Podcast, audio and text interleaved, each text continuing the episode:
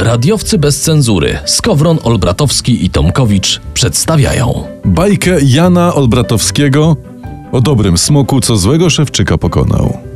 Bo tu my robimy sobie taką małą przerwę od królowej śniegu, tak?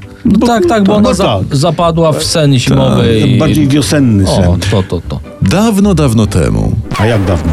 No tak dawno, że o, no, a może jeszcze dawniej, a, albo jeszcze wcześniej, to, to nie wiadomo. No. w odległej krainie, którą niektórzy mylnie nazywali Polską, bo formalnie wtedy jeszcze Polska nie istniała, był sobie gród Kraka, formalnie zwany Krakowem. O, i jak tam się żyło tym ludziom tam? E, tam- Bardzo, bardzo sobie to miasto chwalili, gdyż ówcześni żadnego innego miasta nie znali. Ale nie, ty, no, ale nie znali to jedno, ale jakieś zalety musiały jednak y, być. No, biorąc pod uwagę dawne czasy, Tak. to pewnie wszędzie było blisko, bo były tylko dwie ulice na krzyż, tramwaje się nie spóźniały, bo ich nie było. Tak? No i pewnie z parkingiem też nie było problemów, nie, bo nikt nie posiadał samochodu. O, Jednak, jak to w każdej bajce, szczęście nie mogło trwać wiecznie i ni stąd, ni zowąd pojawił się w mieście szewc. Którego mieszkańcy w skrócie nazywali e, Szewczykiem. Szewczykiem, tak. to on buty robił.